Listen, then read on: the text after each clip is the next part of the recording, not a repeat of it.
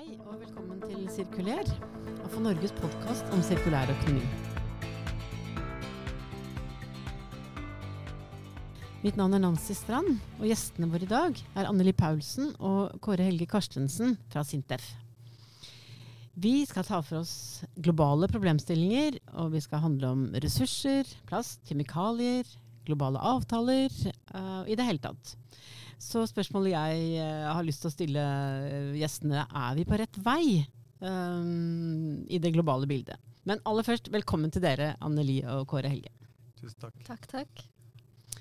Du, altså Vi må først bli litt kjent med dere. Så Anneli, um, hvem er du? Ja, um, ja, hvor skal man starte? Jeg er jo en relativt uh, ung dame fra Nord-Norge som uh, siden studietida egentlig har vært veldig opptatt av uh, ja, tre ting. natur og miljø. Og bistand, eller globalt samarbeid. Og ja, Asia spesielt. Har bodd i, Asia flere ganger. Um, og nå er jeg jo så heldig å få jobbe med de tre tingene i Sintef. hvor jeg er forskningsleder for ei gruppe som jobber med sirkulærøkonomi. Um, og leder ei konsernsatsing i Sintef på globalt samarbeid. Uh, og jobber i tillegg på et prosjekt som heter Optosi, um, hvor jeg er prosjektmedarbeider. Ja, så alt dette skal vi snakke mer om, men da har vi fått, uh, fått plassert deg. Så Kåre Helge, um, kan ikke du si litt om deg? Ja, jeg jobber som sjefforsker i Sintef og har jobbet der i 35 år og arbeidet med avfall og farlig avfall spesielt, og integrerte behandlingsløsninger spesielt. Uh, og det betyr uh, først og fremst bruk av sementovner, høytemperatursementovner, til å destruere organisk farlig avfall. Og det startet jeg med på 1980-tallet i Sintef, hvor vi hjalp Miljøverndepartementet og Norcem med å utvikle sin behandlingsløsning for organisk farlig avfall i Norge, nemlig å bruke sementovnene i Norge. Mm -hmm. Uh, og siden 1980 så har jeg holdt på med det, basically. Uh, men da tok det ut på 90-tallet til andre land, og har siden det ja, ja, vært involvert i prosjekter i 100 land nesten. Mm. Uh, og jobbet med dette. Men de siste 20 årene først og fremst i Asia. Ja, ja. Mm. ja så vi, vi, vi, vi, sirkler oss inn til, en, til, til regionen Asia. Så det, det, det skal vi snakke mer om. Men dere Eh, dere jobber begge i Sintef. Så, og det er vel eh, kanskje, kanskje, eller er det det? Landets største eh, kompetanse- og forskningsmiljø. Ja, det er et ja. av de store Jeg er nødt til å ta, dessverre. da sier vi en liten stopp der. Da tar jeg den på nytt, og så bare svarer du. Ikke ja. sant? Ja. Mm. Uh, du, dere kommer begge fra Sintef. Ja. Uh, landets største kompetanse- og forskningsmiljø si, utover universitetene. universitetene. ja, vi er et av de største forskningsinstituttene. Vi er et av de største i Europa faktisk på anvendt forskning. Så vi jobber jo med en hel rekke ting. Det er jo seks institutter i Sintef som jobber med alt fra energi, industri, manufacturing, vi jobber med hav. Vi liker å si at vi jobber med alt fra havrom til verdensrom eh, og alt imellom der. Ikke sant. Altså, dekker det meste. Så vi snakker eh, hvor mange eh, ansatte? Vi er vel nå ca. 2100. Ja. ja. Mm. Og som er plassert over hele landet? Ja da, vi har de fleste sitter jo i Trondheim. Det er jo der vi kanskje er mest kjente og samarbeider tett med NTNU. Men vi er rundt 500 i Oslo nå, og vi har kontorer på Vestlandet og i Nord-Norge. Og vi har også et kontor i Brussel, faktisk. Mm. Mm. Og eh, etter hvert en god del pro prosjekter uh, i, i, det globale rommet, for å, for å ja, si det sånn. Mm. Foreløpig ikke så uh, veldig mange, men det er jo det vi ønsker å få til mye mer på. Da. Vi jobber jo veldig mye i Norge og veldig mye i Europa med EU-forskning. Um, mens det som har vært utafor Norge og Europa, ikke har vært sånn hvor vi har gjort utrolig mye. Det har vært mest uh, Kåre Helge og den gruppa som er leder, som har fått til veldig mye der. Mm. Men det har vi lyst til å endre litt på, da. Ja, ja det, det, skal bli veldig spennende å høre mer om. Så um, dere jobber med et prosjekt som heter Optose. Mm. Uh, som det, det, må vi, det, må, det, må vi, høre litt mer om. Er, uh, så uh, Kåre Helge, du er jo prosjektleder for et prosjekt som heter Optose. Ja. Så, um, og da er vi i lokasjon Asia. Mm, så kan ikke du si litt mer om det prosjektet? Ja, Det er et uh, regionalt prosjekt som omfatter fem land. Eh, India, Kina, Myanmar, Thailand og Vietnam. eh, først, i første omgang. Eh, hvor vi da skal hvor vi fokuserer på kan du si, behandlings, finne behandlingsløsninger for ikke-resirkulerbart plastavfall. Eh, og Bakgrunnen for det er jo at uh, veldig mange snakker om resirkulering, nye plasttyper osv. Nye konvensjoner og, og slike ting. Men det er veldig få som på en måte fokuserer på alt det plastavfallet som ligger der, og som i dag ikke er resirkulerbart, og som ligger i dumpsites og landfills og i naturen. Og vi regner med at det er mer enn fem milliarder tonn ja. Det er enorme mengder. Ja. Bare i Thailand, som er et av våre land, så er det 200 millioner tonn som ligger i dumpsites rundt omkring. Mm, mm. Og som brytes sakte ned i disse dumpsitene og når grunnvann og elver, og før eller siden havner i havet. Og kommer til å utgjøre en suppe av mikroplastikk mm. i løpet av de neste 10-20 årene. Mm. Og dette kommer i tillegg til de 10-15 millionene tonn med plastavfall som vi regner med tilsiger havet fra andre kilder, via elver osv. Og, så mm. og det vi ser dette ser vi jo ikke. Den mikroplasten som kommer fra dumpsites og landfill og sånn, det er usynlig. Mm. Det kommer uh, andre veier, og det vil være en kontinuerlig kilde forever. Ja, hvis ingen tar tak i det. Og det er ingen mm. som tar tak i det, og det er veldig vanskelig. Eh, fordi det er veldig kostbart selvsagt, å begynne å rydde opp og grave opp dumpsites og miljø osv. Uh, men der bruk, prøver vi å skape et insentiv i um, det vi kaller uh, energi- og ressursintensiv industri, som f.eks. sementproduksjon. Mm. Som krever veldig store mengder med uorganiske råmaterialer og fossilt brensel i form av kull. Og de kan da eh, egentlig relativt enkelt benytte seg av eh, ikke-resirkulerbar plast. For plast inneholder like mye energi som kull. Mm. Og de kan erstatte store deler av kullet sitt ved å bruke dette avfallet. Så det er et slags insentiv for de til å komme forward ja. og hjelpe til med å finne behandlingsløsninger da, og fjerne dette akkumulerte avfallet som ligger der. Ja, ikke sant. Det er jo vinn-vinn. da. Altså, nei, altså, ja. Sementindustrien er jo en av de mest intensive brukerne av, av kull og olje. Så ja, de kan riktig. erstatte det med gammel plast. Men altså, et interessant element her, uh, og Anneli, du har jo også vært med på dette. og, og det var en ting som jeg, jeg merket meg sist jeg hørte du snakke om det, og det er jo litt det at uh, det er jo en del plast som faktisk blir resirkulert. Eh, men så Kåre Helge sier nå ikke resirkulerbar plast. og hva, hva, Hvordan skiller dere mellom det? Altså hva, um, fordi den, den, resirkulerbare plasten, hvor, hvor, går, hvor, blir den av? på en måte? Hva ja, altså Noe av det vi har sett i de dumpsitene hvor vi har jobba, der har vi gjort en del studier. Um, og Der ser vi at mye av den plasten som kan resirkuleres, den blir håndtert av den her uformelle sektoren veldig ofte. Mm, um, mm. Så de samler den inn ofte direkte fra byene før den ender på en dumpsite i det hele tatt. Ja.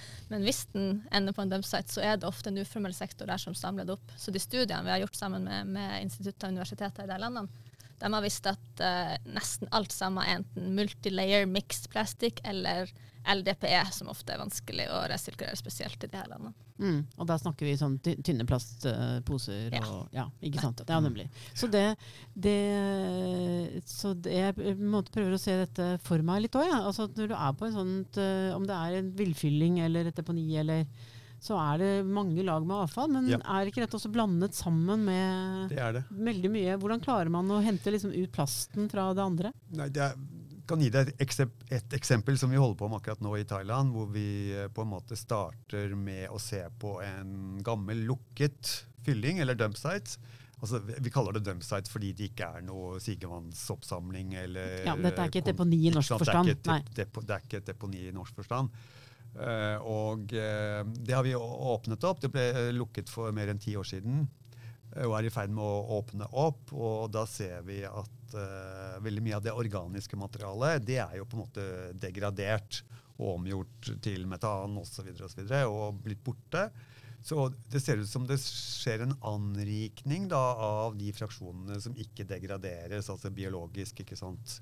Og biokjemisk. Og det betyr f.eks. plast. Plast er, eh, brytes i veldig liten grad ned. Mm. Det samme gjelder jo jern og metall og den type ting. ikke sant? Så det skjer en anrikning da av de fraksjonene. Mens den, du må regne, anta at for ti år siden, når den land dumpsiden ble lukket, så var det kanskje en halvparten eller mer av organisk degraderbart avfall. ikke sant? Som husholdningsavfall osv. Men det er i dag borte borte. Det er basically nesten ingenting igjen.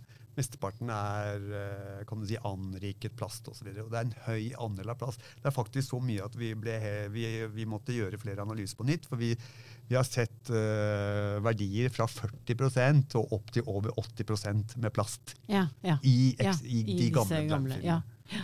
Uh, og, og, det er relativt enkelt å gjøre hva skal jeg si, det vi kaller det landfill mining. altså Vi, vi da kan du si tar opp det avfallet og segregerer det og separerer det og forbehandler det og fraksjonerer det. Og de forskjellige fraksjonene går til forskjellige ting. Mens plasten da i dette tilfellet går til en sementfabrikk i nord for Bangkok. Mm. Og hvor de bruker det som kullerstatning. Mm. Og så blir det destruert. Og det som er poenget med en sementovn, er at det er en kan du si, komplett og endelig disposal solution, for å kalle det på noe godt norsk, mm, mm. i motsetning til et forbrenningsanlegg f.eks., for hvor du ender opp å ha veldig mange restprodukter i form av slag, flyvask, røykgassrenseprodukter osv. som må deponeres. Vi antar at et forbrenningsanlegg genererer i størrelsesorden 20-30% restprodukter. Og, og, sånn sett så er det jo ikke en endelig løsning, fordi de restproduktene må håndteres til et sted. Og mm. ofte så blir det putta på landfill igjen, ikke sant? Ja, eller dumpsite ja. igjen. Mm. Og på et eller annet tidspunkt så må du regne med at det er, kommer til å medføre at, blir, at, det må ryddes opp, det også. ikke sant? Mens sementovn genererer ingen restprodukter. Det er en fullstendig uh, disposal solution. Mm. Uh, og vi utnytter alt. Vi utnytter energien i plasten, og vi utnytter alle askerestene i plasten. Ja, ja, Så det er en komplett ja, løsning. En, og en endelig løsning, og det er veldig viktig. Mm. Og, da, og er, er, det temperaturen som er, som er, forskjellen på en måte her? Temperaturen er jo mye mye høyere i en sementfabrikk, i en sementovn. Du må ha en materialtemperatur på 1500 grader inne i selve rotere sementovnen for å kunne produsere sement. Hvilket betyr at gassfasen inni sementovnen ligger på i størrelsesorden 2000 grader.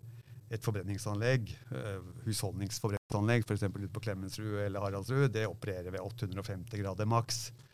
Uh, og mye mye lavere temperaturer osv.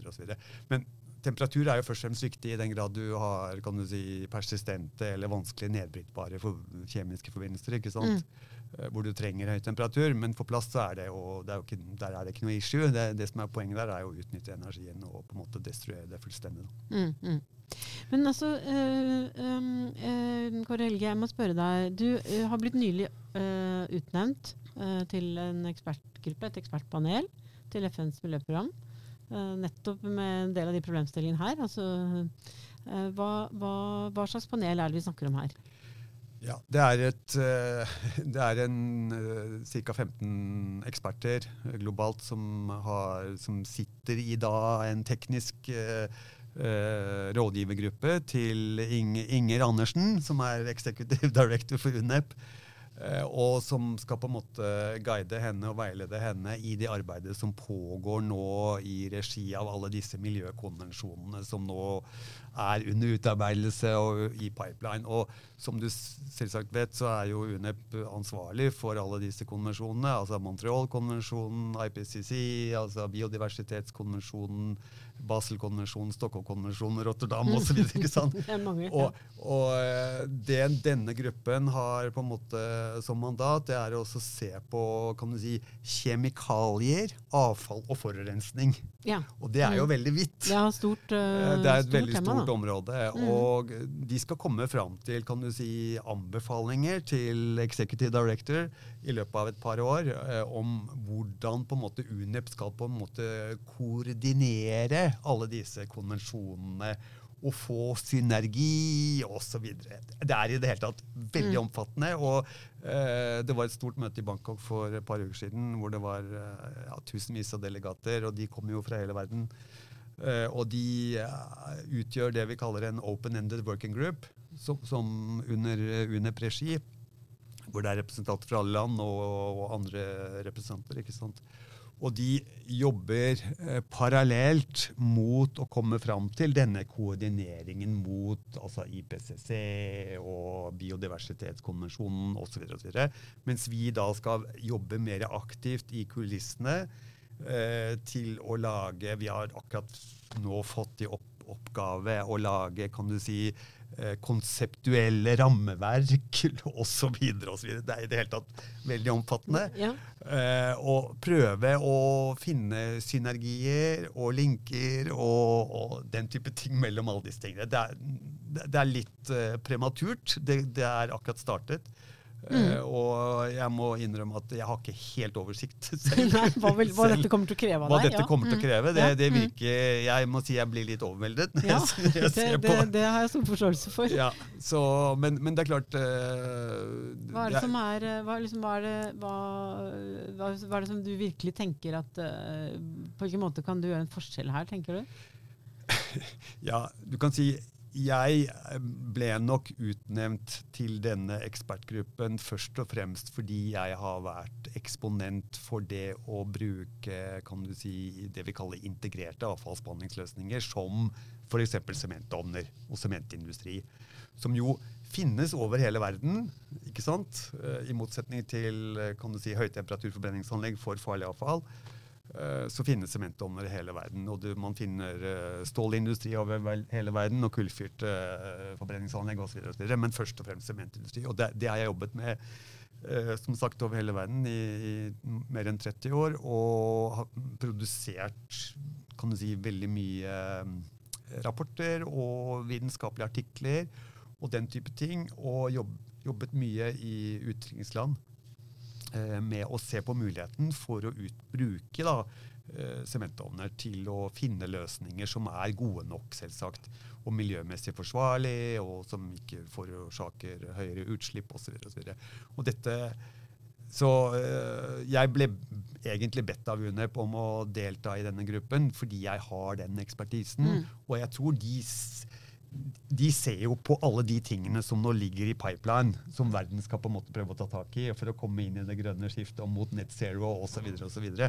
og i tillegg så skal vi da redusere eksponering mot farlige kjemikalier. Vi skal prøve å forhindre forurensning, vi skal prøve å forhindre avfall, minim minimalisere osv. Det, det er i det hele tatt veldig mange ting som skal på plass. ikke sant? Ja. Og det Mm. krever da antageligvis eh, pragmati litt pragmatiske og kan du si, kosteffektive og praktiske løsninger. Ja. Som jeg da tror jeg er litt spesielt eksponent for i denne sammenhengen. Ja, ikke sant. Ja. Det er eh, et ganske stort spenn. Altså, nå jobbes det jo med den, den nye plastavtalen som kom på toppen av alle de konvensjonene som du nevnte, altså, Mm. som Ja. skal fokusere spesielt på plast, og man skal tenke livssykluser. Og, Mm, mm. og det ser jo for meg, for meg ut som om det er en veldig stort spenn mellom som du sier, de pragmatikerne og praktikerne, Ja. og de som er på en måte på det mer ideelle, det må, de ideelle løsningene. Da. Ja.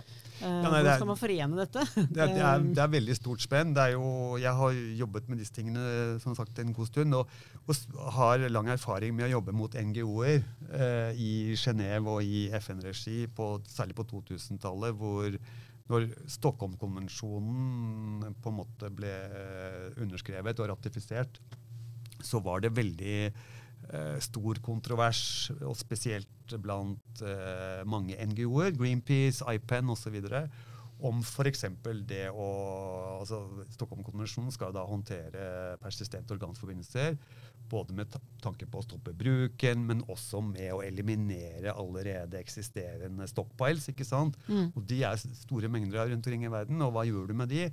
Og da initielt, når Stockholm-konvensjonen ble lansert i 2000, så var det jo, kom de opp med noen hva skal jeg si, preliminære løsninger som var godkjent da, og jeg brakte på banen muligheten for å bruke sementovner osv., og, så og det ble sånn nesten umiddelbart uh, rejected. Eller de, de gikk imot det og mente at det var ikke mulig i, eh, i f.eks. utviklingsland osv. Uh, og da startet en relativt lang kamp. altså ikke kamp, men uh, Jo, men et stort arbeid ja. med Mm, å mm. kan du si, prøve å vise da, at dette faktisk er mulig, også i utviklingsland. Og Ja, mm. Fordi jeg mener, prinsippene for å produsere sement er akkurat de samme i Norge som i Afrika eller i Asia. ikke sant? Jeg mener, Du trenger de samme temperaturene osv. Så, Ja, ja. så Mm, de mm. kjemiske og teoretiske prinsippene er de samme. Mm. Også, Men hva er det man var redd for? Altså, Nei, man, man var redd for at uh, det skulle føre til mer utslipp, mer eksponering osv. Hvilket jo selvsagt er uh, Når man starter med noe som er fullstendig ukjent, så er jo det det første man tenker på. ikke sant? Mm. Det gjelder jo alle risikovurderinger. Man er mm. først og fremst redd for det man ikke vet noe om. Ja. Og man visste ikke noe om det. Og de hadde ikke den erfaringen som vi hadde i Norge osv. Men det, vi, det jeg oppdaget veldig fort, var at uh, i Norge så vi på en måte praktiserte det vi kaller walk the talk.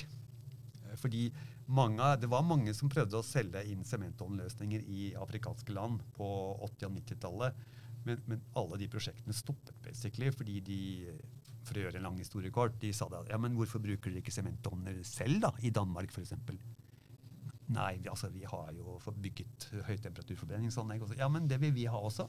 Ja. Hvis det er state of the art. liksom. Mm. Så mm. de, de, følte at de ikke de fulgte opp med å gjøre det som de prediket. da. Ja. Mens vi gjorde det. Vi kunne si det. Vi, vi gjør det i Norge. Vi gjør det i mm. Norge. Se, se, på oss. Vi kan til og med komme hit og se på hvordan vi gjør det, og lære av oss. Og, så videre, og, så og ble, da ble på en måte, fikk det en større troverdighet, tror jeg. I tillegg til at vi da startet et stort arbeid med å dokumentere vitenskapelig at dette faktisk er mulig. Mm. Og vi gjorde da pilotdemonstrasjoner med forskjellige typer uh, pesticider, f.eks. Uh, og DDT og popser osv. rundt omkring i hele verden. Og viste uh, vitenskapelig at dette faktisk er mulig. Mm, mm. Og at det er vinn-vinn-løsninger. da. Ja, ikke sant? Og det er klart, hvis vi skal uh, håpe å si, bevege verden. Da kan vi ikke håpe å si, aime mot den perfekte løsningen. Vi er nødt til å være litt pragmatiske. Og en god løsning trenger ikke å være en fiende av de beste løsningene. Liksom. ja, nei, ikke sant. Så, så uh, dette er på en måte Og bare for å avslutte akkurat den diskusjonen med, uh, som vi hadde i Genéve på 2000-tallet fra å være mot bruk av sementovner i 2000 eh, i Stockholm-konvensjonen og også delvis i Basel-konvensjonen, i 2005, fra 2005 utover, så aksepterte de det fullstendig.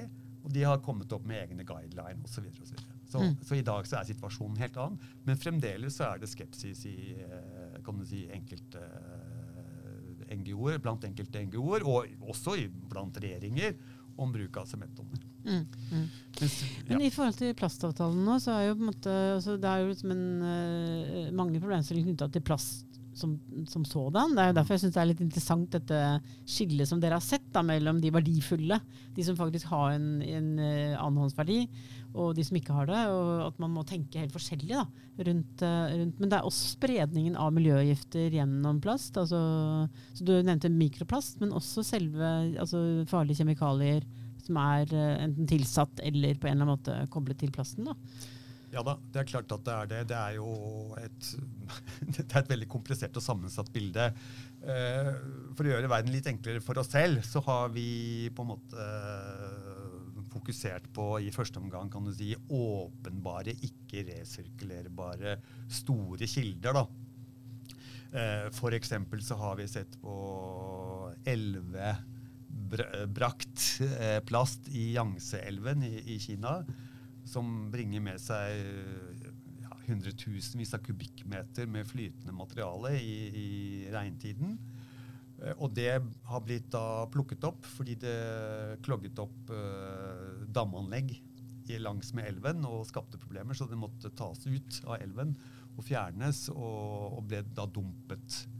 Eh, vi så da har sett da på løsningen ved å bruke sementovner til å brenne eller bruke dette elvebaserte eh, avfallet eh, som tilleggsbrensel da, i en sementfabrikk. Og det avfallet inneholder i størrelsesorden ca. 15% plast. Så det er ikke bare plast, det er veldig mye tre og alt mulig sånne ting. Men hvis du ser på beregningene våre, da, så viser det seg at når vi bruker denne sementovnen, så forhindrer det at uh, det er ca. 20 000 tonn med plast som går ut i Sør-Kina-havet hvert år via Yangtze-elven, da, som vi kan forhindre. Eh, en annen kilde som vi holder på med, det er industriprodusert plast, som er ikke-resirkulerbar, ikke og det er fra papirgjenvinning. I Asia så bruker man stort sett brukt papir. Man bruker nesten ingen grad av nye trær, fordi det er lite av det. Eh, og de importerer brukt papir fra Midtøsten og Europa, og sånne ting, og det inneholder laminert plast. Og det må fjernes. Og det blir i dag dumpet, uh, fordi det er ikke mulig å resirkulere det. Og da har vi sett på muligheten for å bruke det i en sementfabrikk i nærheten av den største papirfabrikken i Vietnam, som ligger i nærheten av Mekong-elven. Og hvor de puttet all den plasten som de produserer, ca. 60 000 tonn i året, på en dumpsite i nærheten av Mekong-elven. Og vi bruker det da i en nærliggende sementfabrikk og har vist og dokumentert at dette er uh, veldig bra. Det fører ikke til å øke utslipp. Og sementfabrikken kan redusere kullforbruket sitt med 10 000 tonn kull per år. Og redusere potensielt utslipp av plast til Sør-Kina-havet igjen med 10 000 tonn i året. Mm, mm. Ja, Så dere ser jo at dette funker. Det altså, funker. Anneli, det, um, det, du nevnte veldig så, kort innledningsvis uh, at uh, Sintef nå har, uh, har etablert en, en, større satsing rundt hva som, hva som skjer. og det er vel kanskje nettopp fordi dere har sett at her er det både mange muligheter og det er, det er, løsninger og kompetanse som dere sitter på. Så kan du fortelle litt om den, den nye satsingen? Ja. Ja, du har jo rett. Det er jo, det er jo litt det at vi, har, vi, ser at eh, de relativt få prosjektene som vi har i lav- og mellominntektsland, slik som Optosy, som Kåre Helge forteller om, de har en virkelig impact. Eh, vi får til storskala endring, og vi har på en måte Kåre Helge begynte jo med det her som han sier for veldig lenge siden, og han, har, han sammen med andre har utvikla en veldig sånn god metodikk hvor vi på en måte får involvert industri, vi får involvert myndigheter, og vi bygger kapasitet i landene som de kan ta med seg videre og jobbe med i andre prosjekter med andre aktører. Um, og så ser vi at her, eh, her, kan vi jo gjøre på masse andre områder òg, hvor, eh, hvor, verden trenger hjelp og må, må gå framover. Uh, så pga. det da, så har vi valgt, å, eller konsernledelsen i Sintef beslutta for noen uker siden faktisk, å, um, å opprette det vi kaller en konsernsatsing på det globale sør. Som betyr at vi skal jobbe på tvers i hele organisasjonen med å prøve å løfte denne måten å jobbe på eh, utenfor Norge og Europa. Fordi vi har lyst til å bidra mye mer. Som sagt er det 2100 ansatte i Sintef. Veldig mange unge forskere som brenner etter å gjøre en forskjell, som har utrolig lyst til å bidra ute i lav- og mellominntektsland med mye av den kunnskapen som de sitter på. Så vi er i gang med et arbeid både eksternt og internt for å liksom se på hvordan kan vi få, hvordan kan vi få bidratt mer um, med det her. Mm -hmm. Og vi mhm. tror jo at det med anvendt forskning um, kan spille en veldig viktig rolle i det her med bistand. Vi tror at det med å sette kunnskap ut i livet mm. um, vi er jo, Sintef er jo et sted mellom på en måte høyere utdanning og industri, hvor vi på en måte sørger for at ting faktisk skjer on the ground. Og vi tror at det kan være en ganske viktig komponent for å få verden framover. Da. Mm.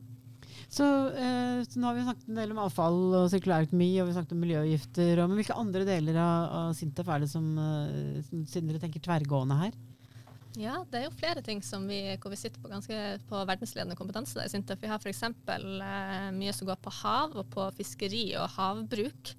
Eh, der har vi allerede en del globale prosjekter um, som går på bærekraftig fôr f.eks. Eh, oppdrettsnæring, um, som, uh, hvor de er spesielt i Afrika er det et stor interesse i å jobbe med aktører som Sintef. Um, og så har vi et helt institutt som jobber med energi, med veldig stort fokus på fornybar energi. Uh, vi jobber med vindkraft både på land og i hav. Uh, solkraft og hydrogen, både grønn, grønt og blått hydrogen. Um, I tillegg til uh, mye på infrastruktur, transport og mobilitet. Um, ja, digitale løsninger. Og global helse har vi et stort miljø på, um, mm. som har uh, store prosjekter i Afrika sør for Sahara på å utvikle sånne uh, tekniske løsninger for folk med funksjonshemninger. Ja.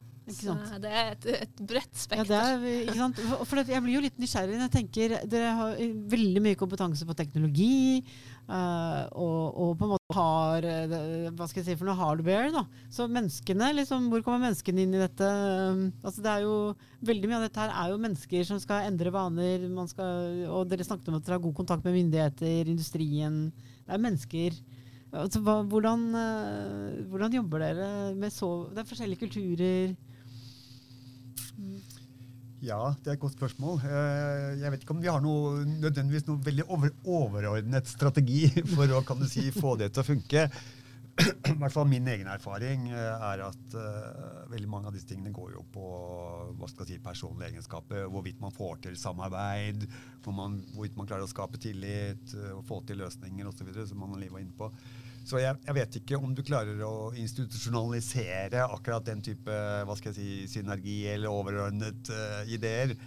Men uh, vi har nå fått det til, og jeg tror jo i utgangspunktet så er jo forskere de er jo genuint interessert i hva skal jeg si, å finne løsninger innenfor sitt fagområde, og nysgjerrige og, og relativt åpne ofte. ikke sant?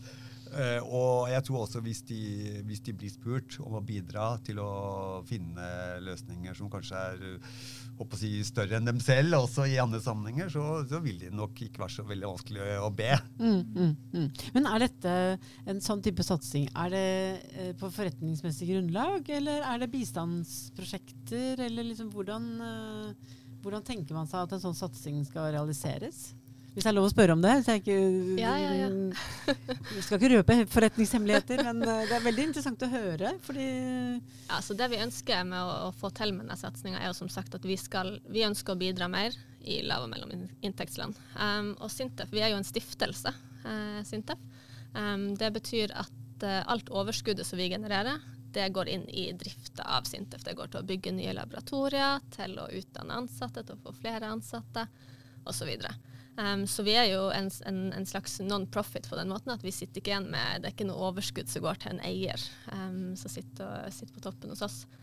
Um, og når det kommer til de her prosjektene som vi har i lav- og mellominntektsland, um, så bruker vi jo, der, der, sier vi at der skal vi ikke ha noe overskudd i det hele tatt. Der går vi på kostpris. Så når vi jobber med Norad f.eks., så er det kostpris som vi benytter, og som vi tenker at vi skal bruke når vi nå går utenfor Norge og Europa.